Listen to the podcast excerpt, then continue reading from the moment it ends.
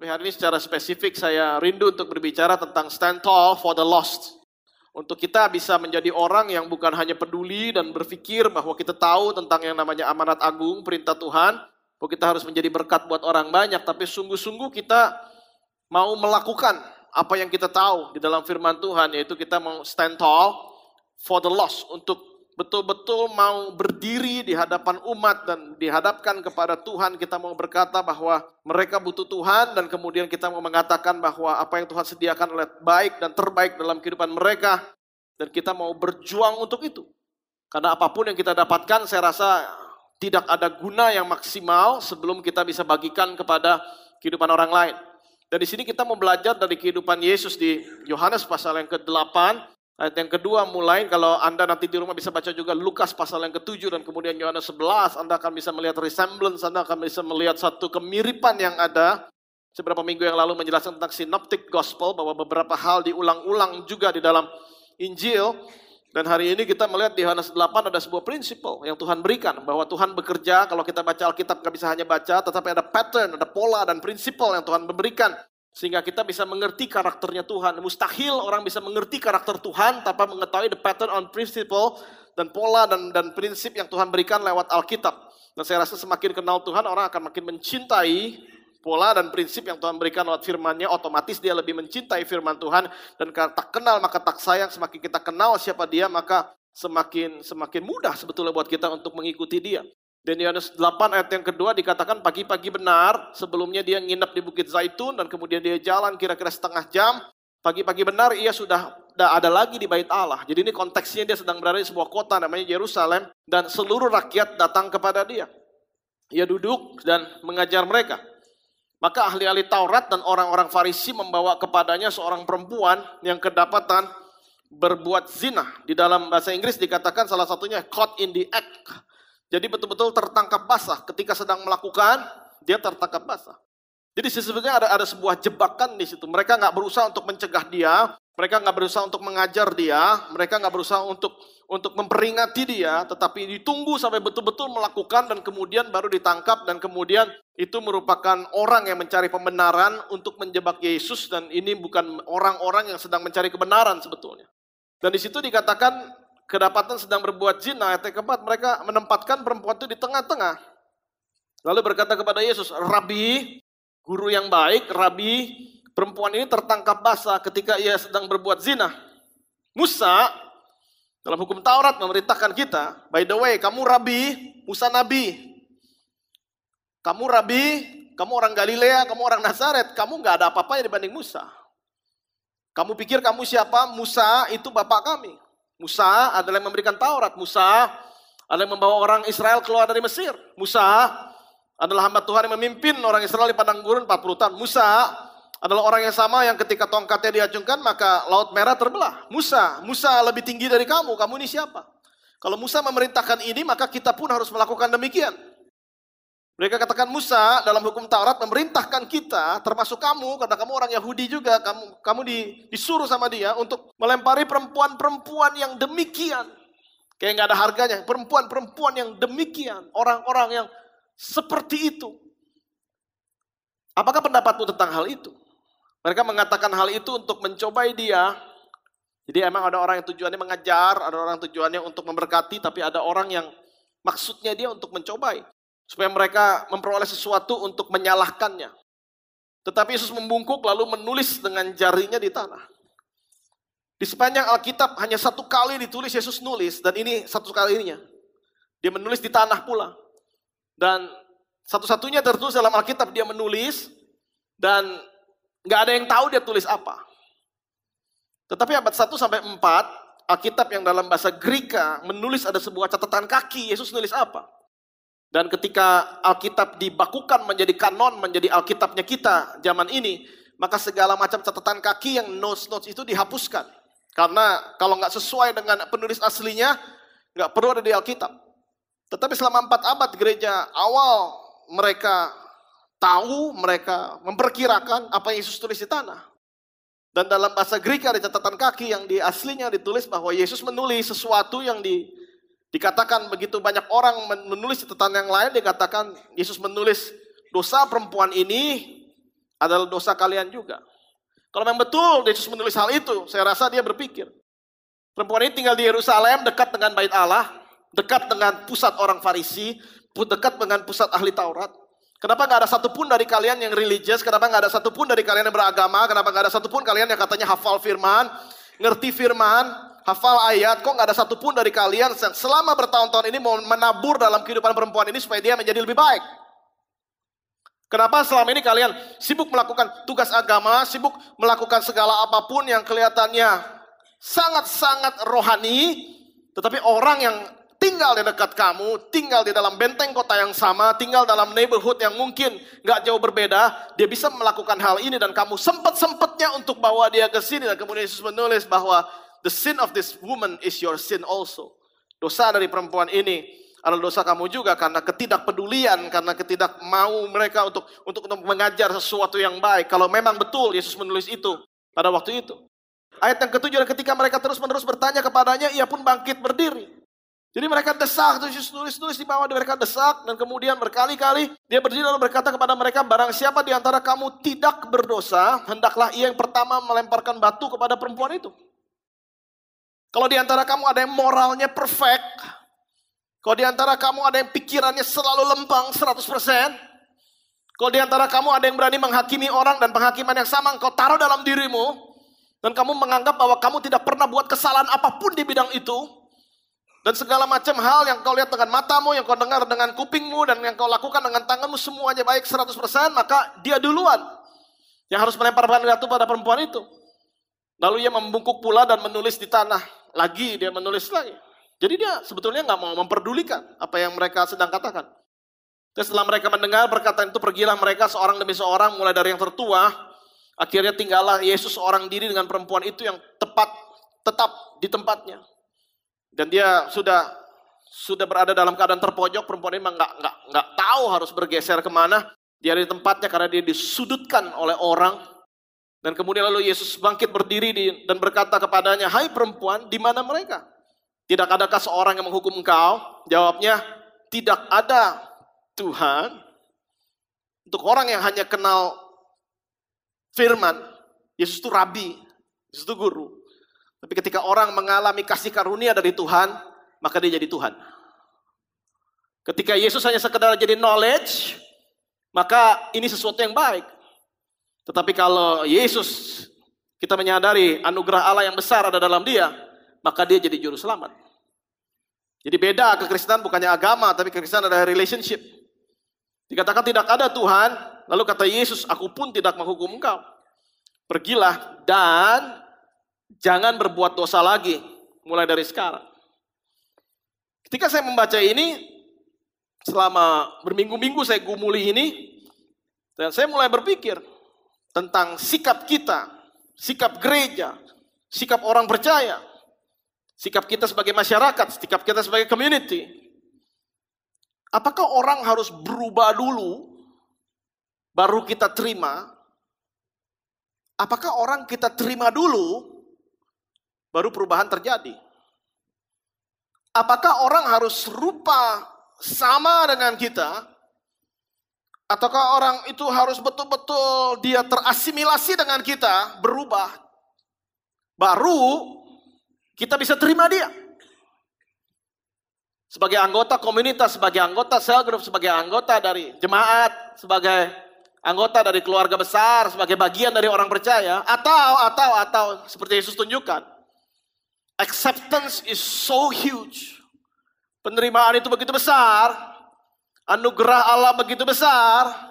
Sehingga penerimaan yang begitu penuh dengan kasih karunia akan menuntun orang kepada perubahan yang baik. Dan saya rasa ini yang betul-betul perlu kita pikirkan karena kita terlalu sibuk kadang-kadang untuk mengasimilasi orang sehingga menjadi mirip dengan kita. Tanpa betul-betul ngecek apakah itu dihasilkan dari sebuah hubungan pribadi yang baik dengan Tuhan. Tapi melihat daripada apa yang Yesus lakukan, saya rasa penerimaan selalu mendahului perubahan. Dalam sebuah keluarga, penerimaan selalu mendahului perubahan. Dan ini yang mau Tuhan ajarkan dalam kehidupan kita. Yesus berkata, nggak ada benih yang kamu tabur dalam perempuan ini. Kamu hanya mengintai dia, memata-matai dia, menjebak dia sampai dia jatuh, tapi tidak ada satupun yang kamu tabur dalam kehidupan dia. Padahal Tuhan mempunyai hati yang lain, mempunyai pola dan prinsip yang berbeda. Kalau kita melihat sepanjang Alkitab dari mulai kejadian ketika manusia jatuh dalam dosa, Adam dan Hawa jatuh dalam dosa. Dan kemudian Tuhan berkata bahwa eh langsung Tuhan memberikan sebuah penerimaan. Ini manusia baru jatuh dalam dosa. Mereka nggak tahu gimana caranya menutupi diri mereka sendiri. Mereka menggunakan daun segala macam untuk menutupi apa yang membuat mereka malu. Tapi Tuhan langsung Tuhan sendiri yang sacrifice, Tuhan sendiri yang mengorbankan binatang dan kemudian Tuhan memberi mereka baju yang pertama yaitu kulit binatang yang masih ada darahnya melambangkan bahwa tanpa penumpahan darah tidak ada pengampunan dosa. Dan Tuhan berkata, hei, hei, bukannya bukannya aku mengampuni kamu, aku menerima kamu kembali. Dan kemudian dia katakan bahkan dari keturunan perempuan ini, keturunannya akan meremukkan kepala dari ular. Di situ ada penerimaan, ada satu benih yang Tuhan taruh. Dalam kehidupan perempuan ini suatu hari ada ada benih yang akan muncul dalam kehidupanmu yang akan menemukan kepala ular. Dan kemudian dia ketemu sama orang yang tidak sempurna sama sekali namanya Abraham. Dan kemudian dia menerima Abraham karena kasih karunia Allah. Dan kemudian katakan olehmu semua kaum di muka bumi ini akan diberkati. Dan kemudian dia menghasilkan anak-anak yang dan keturunan yang nggak sempurna Ishak nggak sempurna Yakub tukang tipu.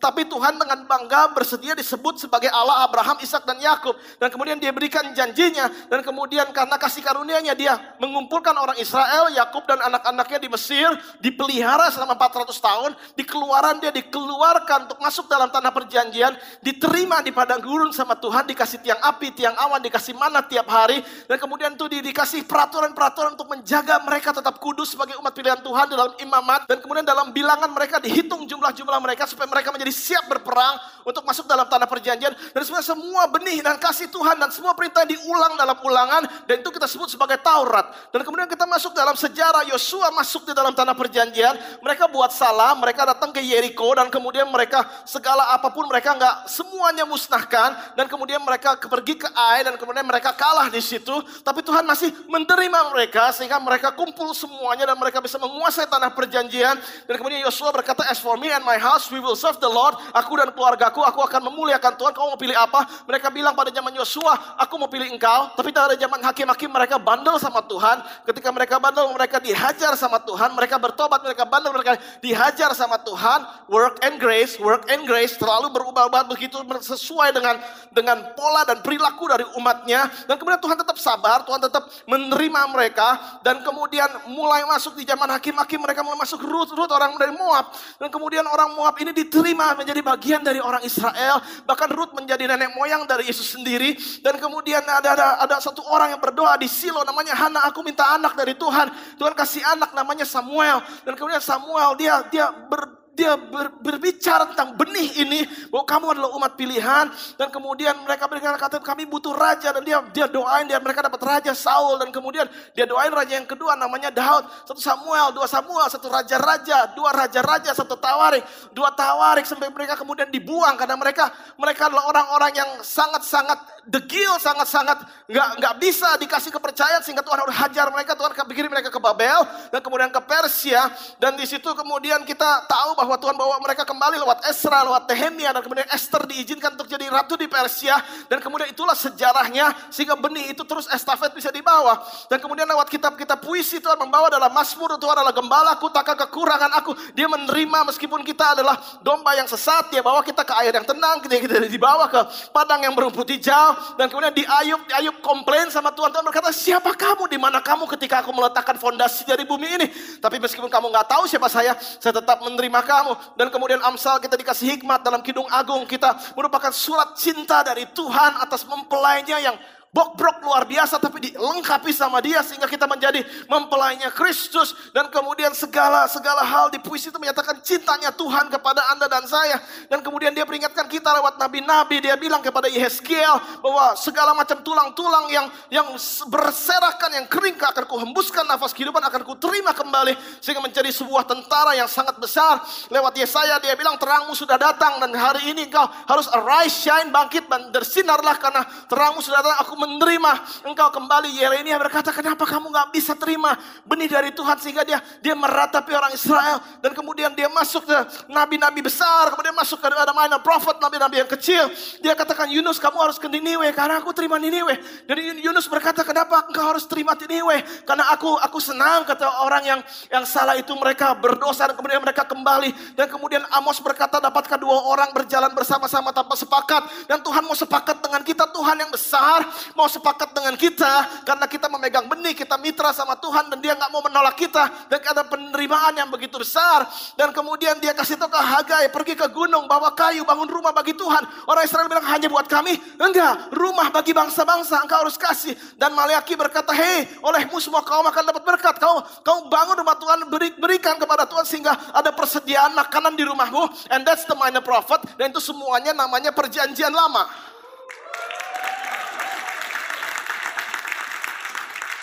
Benih yang ada, yang diberikan kepada Hawa, diberikan kepada orang Israel, Orang Israel masih menolaknya sehingga Tuhan berkata akan ada satu hal yang namanya Injil, kabar baik.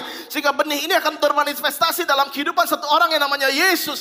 Dan di Matius dikatakan bahwa dia adalah raja, dia anak raja. Dia anak Abraham, dia anak Daud, dia anak Salomo, anak Rehabeam, anak Asa, anak Hizkia. Dan kemudian dia di keturunan raja, Yesus adalah raja. Dan kemudian Markus dia adalah hamba yang melakukan tugas dari bapaknya. Di Lukas dia adalah anak manusia. Lukas ada genealoginya Yesus dari mulai Adam, Seth, Enos, dan sebagainya turun sampai Yesus dan kemudian Yohanes menunjukkan divinity-nya dia, ke keilahiannya dia dan Injil berkata sekarang the seed, sekarang benih itu pada pada Yesus dan kemudian dia mati, bangkit dan kemudian dia naik ke surga and the seed sekarang diberikan di kisah para rasul lewat Roh Kudus kepada gerejanya yaitu Anda dan saya. Ketika diberikan kepada gerejanya mereka bingung apa yang harus kami lakukan, apa yang harus diperbuat. Sehingga Paulus merasa harus menulis kepada Roma, kepada Galatia, kepada Efesus, kepada Korintus, kepada Tesalonika. Dan dia menulis kepada teman-temannya dan sahabatnya muridnya. Satu Timotius, dua Timotius dia katakan jangan engkau dianggap rendah karena engkau muda. But the seed is so precious. Benih ini luar biasa. Kamu harus pegang di tangan kamu Timotius. Dan kemudian Titus juga. Dan kemudian Filemon. Filemon berkata ada budak yang lari dari kamu. Kamu terima dia padanya. Karena budak itu itu sudah terima Tuhan. Dia adalah bagian dari kita. Dan kemudian dia jelaskan supaya gereja mengerti gimana caranya untuk handle and manage the seed yang dari Tuhan. Kemudian gak orang orang Yahudi berkata, oh Paulus cuma nulis untuk orang Romawi, Paulus cuma tulis untuk orang Yunani. Buat kami gimana? Oke, Roh Kudus mengizinkan supaya ditulis yang namanya Ibrani dan kemudian rasul-rasul yang memang ketemu Yesus muka dengan muka tiga setengah tahun mereka menulis, Yakobus menulis, Petrus menulis dan mereka memperlengkapi gereja sehingga kemudian Yohanes di Patmos menulis wahyu yang mengatakan seed akan mengalami kemenangan, seed akan mengalami kejayaan, seed akan mengalami revival, kebangunan rohani dan mempelai pria akan menjemput gerejanya Anda dan saya yang baru saya ngomongin adalah perjanjian baru. Dan kalau Anda nggak tahu perjanjian lama plus perjanjian baru, namanya Alkitab. Alkitab tidak lain dan tidak bukan adalah penerimaan dan pemberian mandat benih yang hari ini harus kita sebarkan dan olehmu semua kaum di muka bumi ini akan dapat berkat. Tapi gereja hafal kejadian sampai wahyu, gereja hafal untuk ikut conference yang mana pun, gereja Gereja sibuk untuk mencatat khotbah, gereja sibuk untuk foto LED di mana ada instruction di situ, gereja sibuk untuk Instagram apa pun yang kita dapat, semua itu nggak salah, tetapi I'm saying that the church is getting too fat. Kalau kita cuma mau pengajaran yang baik, kalau cuma kita mau khotbah yang baik, kalau kita mau teologi yang baik, tapi kita nggak sebarkan kepada orang mana pun, saya rasa itu tidak ada gunanya. Karena nggak ada benih yang ditabur. Kita menjadi gudang dari segala macam benih minggu demi minggu, I care demi I care kita dapatkan. And we're getting fat and lazy. Sehingga kita mengatakan enough for me, cukup buat saya. Tapi kita lupa bahwa kita adalah penabur benih. Kita lupa bahwa ada sebuah mandat yang Tuhan berikan dari zaman Adam kepada kita. Yang sudah dijelaskan lewat firman Tuhan modus operandinya. Yang Tuhan berikan kepada kita konsep intelektual, pikiran IQ supaya kita bisa mengolah ini semua. dalam bentuk benih dan kemudian kita sebarkan yang nantinya Tuhan janji aku bersama dengan engkau akan berbuah 160 30 kali lipat tapi kita lupa. Bahwa kita diberikan mandat oleh Tuhan. Dan betul berapa minggu ini saya merenung betul-betul secara rohani kita menjadi gemuk dan tidak kekurangan tapi secara action kita sangat miskin. Dan saya berdoa kita menjadi orang yang tahu bahwa Tuhan tidak memilih mitra lain selain Anda untuk menyebarkan benih. You diberikan mandat oleh juru selamat Yesus Kristus. You are mankind's last hope. Diberikan mandat oleh juru selamat Yesus. Penerimaan itu penting. Untuk Anda yang berkeluarga, Anda harus punya tiga buku ini namanya The Blessings. Yang sekarang John Trent sama Gary Smalley. Semua yang berkeluarga harusnya sudah punya buku Gary Smalley, Five Language of Love, lima bahasa kasih. Inti daripada buku ini adalah acceptance akan membawa pada perubahan. Penerimaan akan membawa pada perubahan. Suami menerima istri, istri menerima suami, orang tua menerima anak akan terjadi perubahan. John Trent sendirian dia menulis selanjutannya 30 hal yang bisa istri lakukan untuk memberkati suami. Intinya adalah penerimaan akan membawa pada perubahan. Dan kemudian dia juga menulis bahwa suami pun bisa memberkati istri, istri pun bisa memberkati suami. Penerimaan akan membawa kepada pertobatan, akan membawa kepada perubahan, akan membawa kepada buah-buah yang baik. Sehingga sebagai gereja kita harus mikir, betul-betul. Orang model apa yang kita anggap pantas untuk masuk ke pintu itu? Dan saya rasa kalau memang betul ini gereja, betul ini sanctuary, betul ini tempat untuk orang bisa bertumbuh, berbuah dan disembuhkan. Kita harus punya hati yang besar untuk bisa menerima orang model apa pun masuk lewat pintu itu. Kita harus punya hati yang besar untuk menerima orang model apa pun masuk lewat pintu itu. Saya tidak bercita-cita untuk bangun gedung gereja yang besar, tapi saya bercita-cita untuk semua orang model apa pun bisa masuk lewat pintu itu.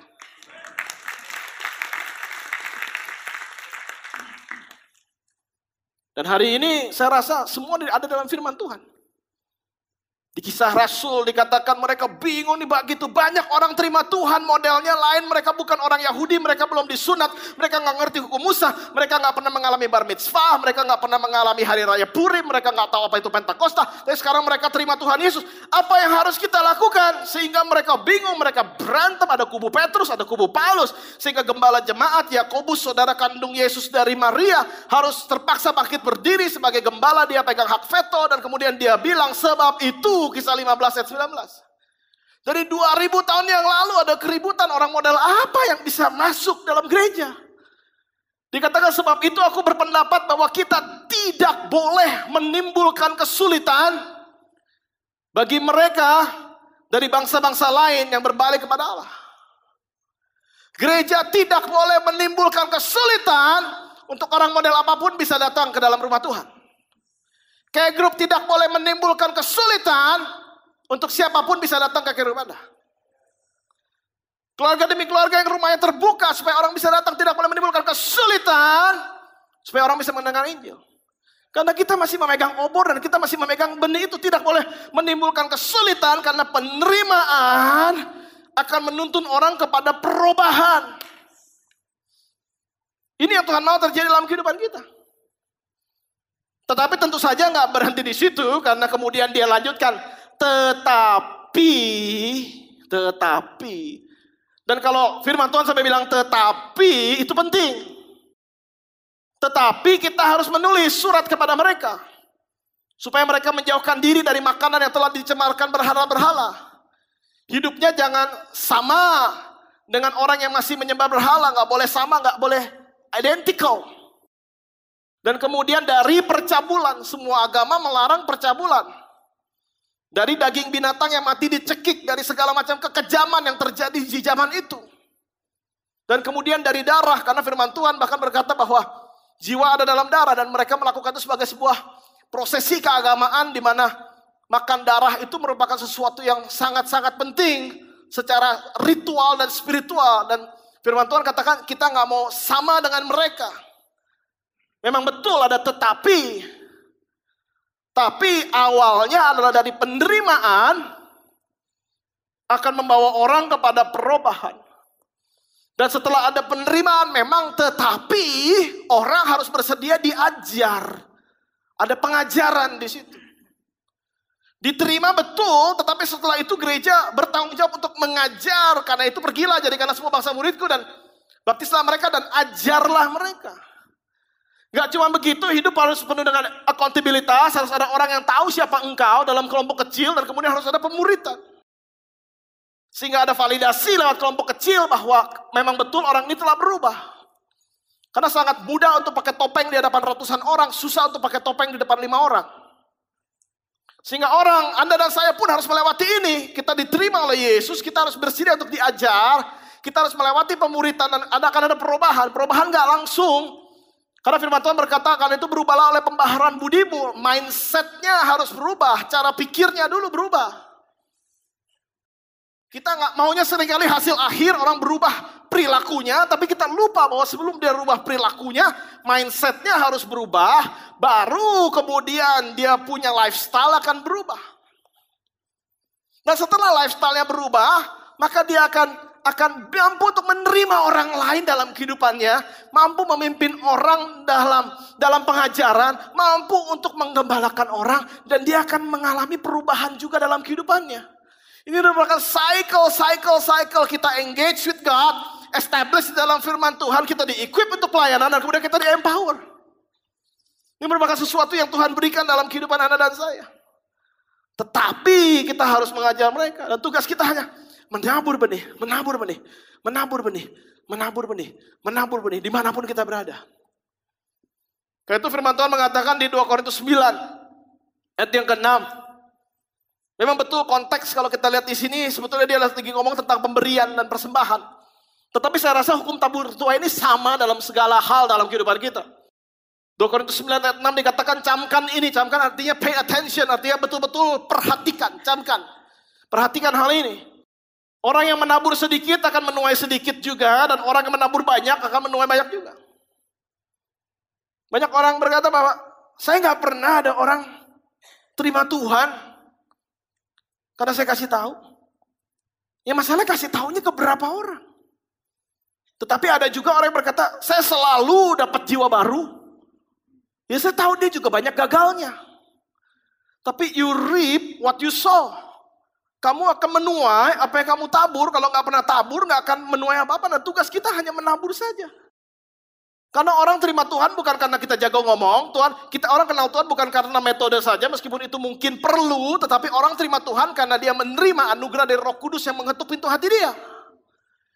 Tugas kita menabur, orang bertobat itu urusan Tuhan. Jadi never feel bad, nggak pernah merasa salah, nggak pernah merasa insecure kalau kita nabur, nabur, nabur, orang belum terima Tuhan. Karena urusan orang tobat apa enggak itu urusannya Tuhan. Tugas kita hanya menabur, tugas kita hanya memberikan air secukupnya. Dan saya rasa bukan rahasia besar bahwa you reap after you sow. Gak ada orang bilang, kamu nunggu apa? Nunggu jagung. Sudah pernah tanam jagung belum? Belum. Itu pasti orang error luar biasa.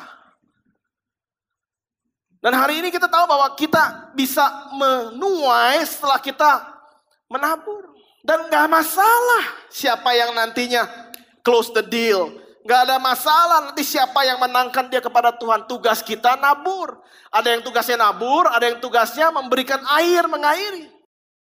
Karena itu 1 Korintus 3, 5, 6, dan 7 dikatakan, jadi apa Apolos? Apolos salah satu rasul di zamannya Paulus. Jadi siapa Apolos? Siapa Paulus? Mereka kan pelayan-pelayan Tuhan yang olehnya kamu menjadi percaya masing-masing menurut jalan yang diberikan Tuhan kepadanya. Aku menanam, Apolos menyiram, tetapi Allah yang memberikan pertumbuhan.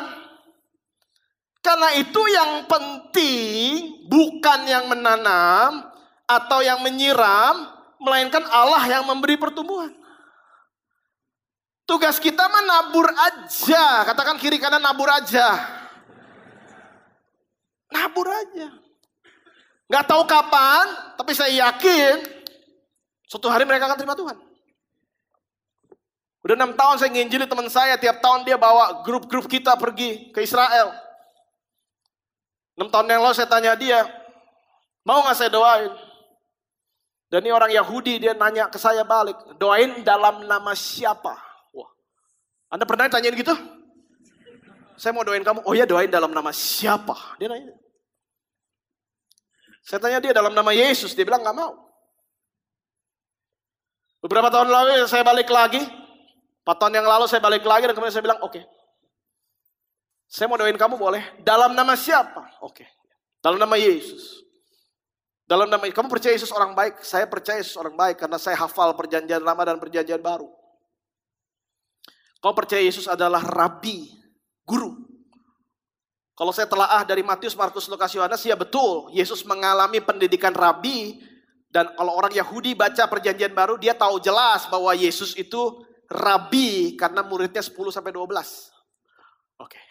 Kalau mau saya doakan dalam nama Yesus sebagai orang rabi orang baik dan rabi? Mau kalau itu. Oke.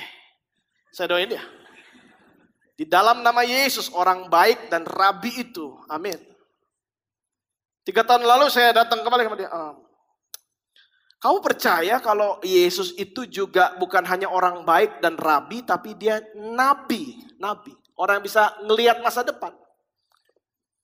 Jadi dia katakan kalau sesuai dengan konteks perjanjian baru bahwa dia bilang nggak ada satu batu pun akan bertumpuk, Yerusalem akan hancur.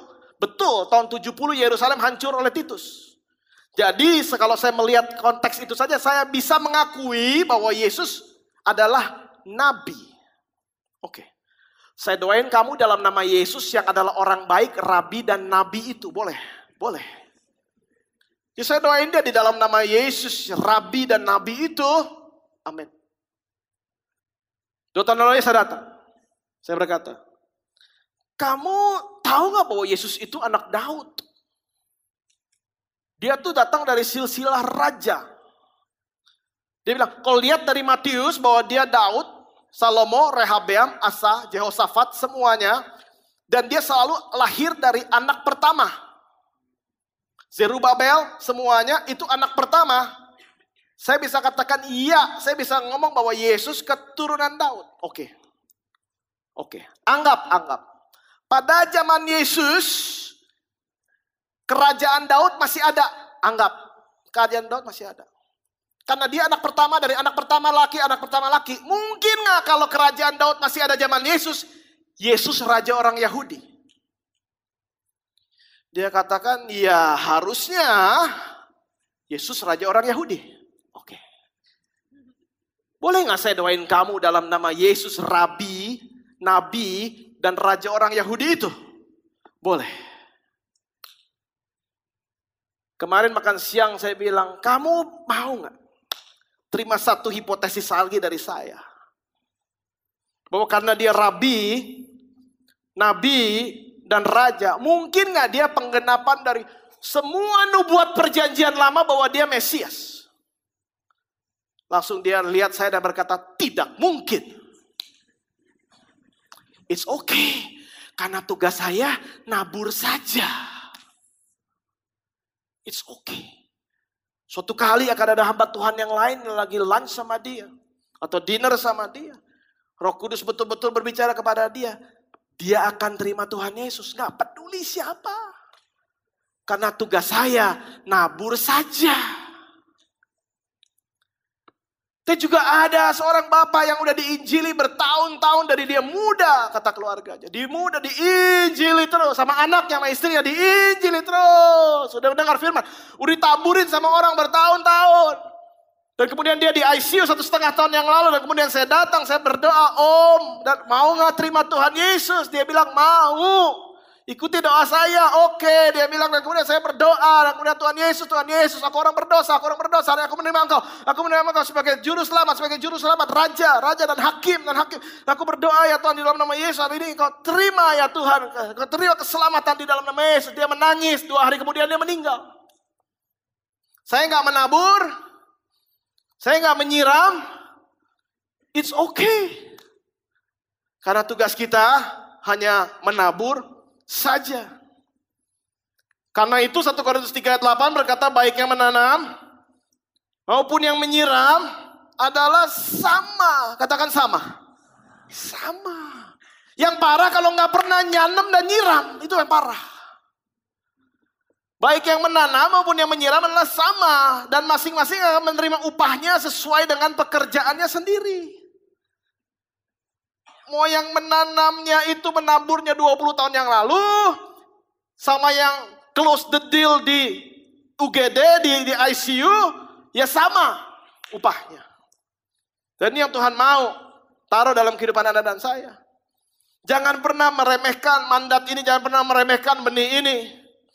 Dan saya mau katakan bahwa apa yang akan Anda tuai jauh lebih besar, you reap more than you sow. Anda akan dapat tuayan lebih besar daripada apa yang Anda tabur. Anda mungkin bilang, masa sih? Lima tahun, enam tahun ini saya terus sharing, sharing, sharing, sharing. Sangat sedikit tuh yang bertobat. No, no, no. You reap more dan what you saw karena apa yang terjadi pada natural itu akan terjadi spiritual. Gak ada orang nanam satu benih jagung, ekspektasi panen satu benih. Kalau satu benih ditanam yang lahir cuma satu benih, yang tumbuh cuma satu benih, kita semua akan kelaparan seluruh dunia. Tapi dari satu benih jagung menghasilkan ribuan benih jagung. First the natural, and then the spiritual juga sama. Jangan pernah anggap remeh. Anda akan menuai lebih banyak daripada Anda tabur. You reap more than you sow. Jangan pernah sepelekan satu. Ada satu orang guru sekolah minggu yang setia, namanya Edward Kimball. Edward Kimball dia mengajar sekolah minggu dan pada suatu kali dia menyadari bahwa ada murid dia yang ber, berminggu-minggu nggak masuk kelas sekolah minggu. Dan kemudian dia nanya sama orang ini, ini pada ke mana? Dan kemudian mereka bilang orang tuanya lagi susah, anak ini harus kerja hari minggu, jaga toko sepatu. Sehingga setelah dia pelayanan di gereja, dia pergi ke toko sepatu, namanya The Shine, dan kemudian dia datang ke sana, anak ini sedang sedang tumpukin box demi box demi box sepatu. Guru sekolah minggu yang baik ini, dia nggak ngomelin anaknya, dia nggak tegur anaknya, dan kemudian dia bantu box demi box demi box demi box dia angkat. Dan kemudian dia ceritain, tadi di gereja saya ngajarin ini. Kamu sambil kerja dengarkan. Dia ngajar sekolah minggu sambil naikin box. Berminggu-minggu dia datang, berminggu-minggu dia datang, berminggu-minggu dia datang. Anak itu besar, belajar firman, jadi hamba Tuhan yang terkenal luar biasa, berkhotbah di depan ribuan orang. Dia membuat institusi, dia membuat universitas namanya DL Moody. DL Moody menjadi seorang revivalist, ke mana pun dia pergi orang bertobat terima Tuhan. Suatu kali ketika Dale Moody sedang berkhotbah, dia altar call dan maju satu orang bertobat namanya Frederick B. Meyer. Frederick B. Meyer pun menjadi hamba Tuhan yang luar biasa, bikin KKR di mana-mana di Amerika, di Inggris dia bikin KKR besar dan ribuan orang bertobat terima Tuhan. Dan dia memuridkan satu orang namanya Wilbur Chapman. Chapman dan kemudian melayani Tuhan, melayani Tuhan. Satu kali dia khotbah ke seorang pemain baseball profesional namanya Billy Sunday. Billy Sunday terima Tuhan dan setelah itu dia sekolah Alkitab dan kemudian dia melayani Tuhan ke mana-mana. Billy Sunday. Dia dia dia khotbah dengan begitu energiknya. Dan ketika Billy Sunday sedang berkhotbah di North Carolina, begitu banyak ribuan orang maju terima Tuhan. Dan kemudian North Carolina di situ bilang, tolong besok ada kebaktian lagi karena banyak orang nggak bisa masuk. Tolong kamu besok khotbah lagi. Dia bilang, saya besok sudah nggak bisa, saya harus ke kota lain. Asisten saya, anak murid saya, khotbah besok namanya Mordecai Ham. Dia khotbah besok. Dan karena orang dengar yang yang khotbah bukan Billy Sunday, orang lain banyak nggak datang. Dan kemudian Mordecai Ham khotbah, dia khotbah berapi-api. Setelah itu dia altar call, siapa mau menerima Tuhan Yesus? Gak ada yang mau maju, yang satu cuman yang maju cuma satu anak umur belasan dan orang itu anak itu namanya Billy Graham. Dan Billy Graham doain begitu banyak presiden Amerika. Billy Graham adalah orang sampai saat ini di muka bumi yang ngomong dan khotbah langsung live paling banyak di seluruh dunia. Never neglect one. Jangan pernah remehkan bahkan hanya satu. Tugas kita nabur, tugas kita nyiram, tapi Tuhan yang memberikan pertumbuhan dalam kehidupan anda dan saya. Karena dari satu bisa jadi seratus ribu. Asal anda setia pada perkara kecil, Tuhan bisa kasih perkara yang besar. Ada satu orang di Semarang, saya nggak tahu siapa nama lengkapnya, bahkan namanya Hari. Di Semarang. Awal 80-an. Tiap minggu ngajak satu orang remaja yang berantem terus nggak mau pelayanan, namanya Jimmy Untoro. Diajak ke gereja nggak mau, diajak ke gereja nggak mau, kasih pelayanan. Tapi sabar, hari temenin. Kamu Bible study aku temenin. Lawatan Tuhan terjadi di Semarang awal 80-an. Ini remaja Jimmy Untoro menerima kepenuhan roh kudus dan dia berapi-api dan kemudian tiba waktunya dia harus ke Amerika untuk sekolah. Pada tahun pertama dia sekolah, seluruh uang sekolah satu tahun dia sewain auditorium muat ribuan orang yang buat penerimaan Oscar di Los Angeles. Seluruh uang sekolah dia masukin untuk sewa auditorium bikin KKL orang Indonesia. Semua anak college yang mendengar ini, kalau mau melakukan ini, tolong konseling dulu dengan saya. Nanti orang tua Anda mengalami shock. Semua dimasukin di situ. Dan kemudian dari ruang yang bisa muat ribuan orang, 300 yang datang. Awal dari AFGF. Dari 300 ada satu orang yang bertobat, gondrong, setiap hari nyimeng namanya Fendi Hutomo. Gak lama kemudian sekarang mengembalakan AFGF di San Francisco dan kemudian gak lama dia ajak temennya dan kemudian temennya ini datang retreat temennya ini namanya Daniel Hanafi FGF LA. Daniel Hanafi merintis begitu banyak gereja di Nepal, di India, Pakistan, Afghanistan. Bahkan di Afrika ada 700 gereja dari satu bisa jadi banyak. Tahun 95, Denny Hanafi ada di Seattle dalam sebuah retreat. Dia khotbah tentang pentingnya orang melayani Tuhan dan menyerahkan hidupnya buat Tuhan. Seorang remaja yang clueless, dia datang retreat karena semua orang di sekelilingnya datang retreat dan dia datang di situ. Dan dia tantang untuk maju ke depan. Siapa yang mau melayani Tuhan seumur hidupnya? Anak kecil yang clueless ini namanya Sam Hartanto. Dia nggak tahu dia maju di retreat itu.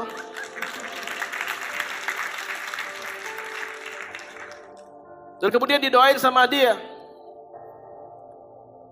Dan dia bilang kamu akan pulang dan kamu akan punya bisnis tapi kamu akan tinggalkan bisnismu for the kingdom of God. Dia ngomong di tahun 95. Never neglect one. Tugas kita hanya menabur. Aduh capek pastor saya tahu, saya tahu, saya tahu. Waktu kita nabur akan ada yang jatuh di jalanan dimakan oleh burung saya tahu. Begitu kita nabur akan ada yang jatuh di semak-semak dan kemudian dia akan termakan oleh semak itu dan kemudian ketika ketika kita nabur akan ada yang jatuh di batu-batu dan kemudian dia nggak bisa bertumbuh dengan baik, nggak tertanam dengan dalam dan kemudian batu itu menghimpit dia sampai mati. Saya tahu dan kemudian tapi firman Tuhan juga berkata akan ada yang jatuh di tanah yang subur yang akan menghasilkan buah 160 30 kali lipat. Tugas kita nabur saja.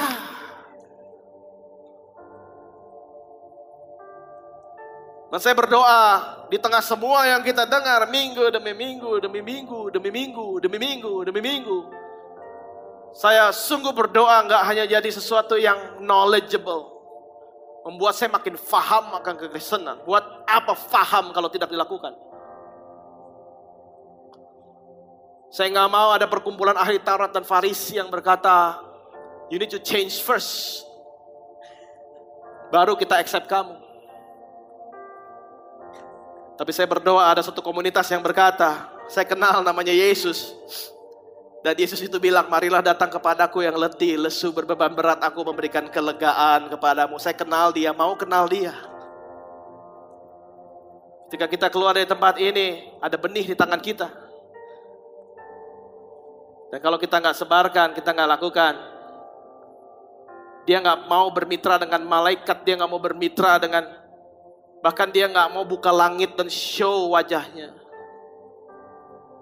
Saya rasa hari ini kalau Tuhan buka langit robek dan dia kasih lihat wajahnya, seluruh dunia akan bertobat. Tapi dia tidak lakukan hal itu karena dia menghormati mitranya, yaitu Anda dan saya. Apakah Anda menghormati mandat yang Tuhan berikan? Itu pertanyaannya. Apa sih wonder? Saya sering kali membayangkan betul ciptaan itu wonderful. Tapi saya rasa ada satu sorak-sorai di sorga yang mengatakan kalau ada satu orang aja bertobat terima Tuhan, sorga bersorak-sorai. And I think it's wonderful. Mau nggak kita memenuhi sorga dengan sukacita dan sorak-sorai? Ketika kita menabur, Tuhan bekerja, orang terima Tuhan. Kalau Tuhan katakan, Tuhan kami secara daging nggak mampu dan nggak mau. Tapi hari ini Roh Kudus kau bekerja.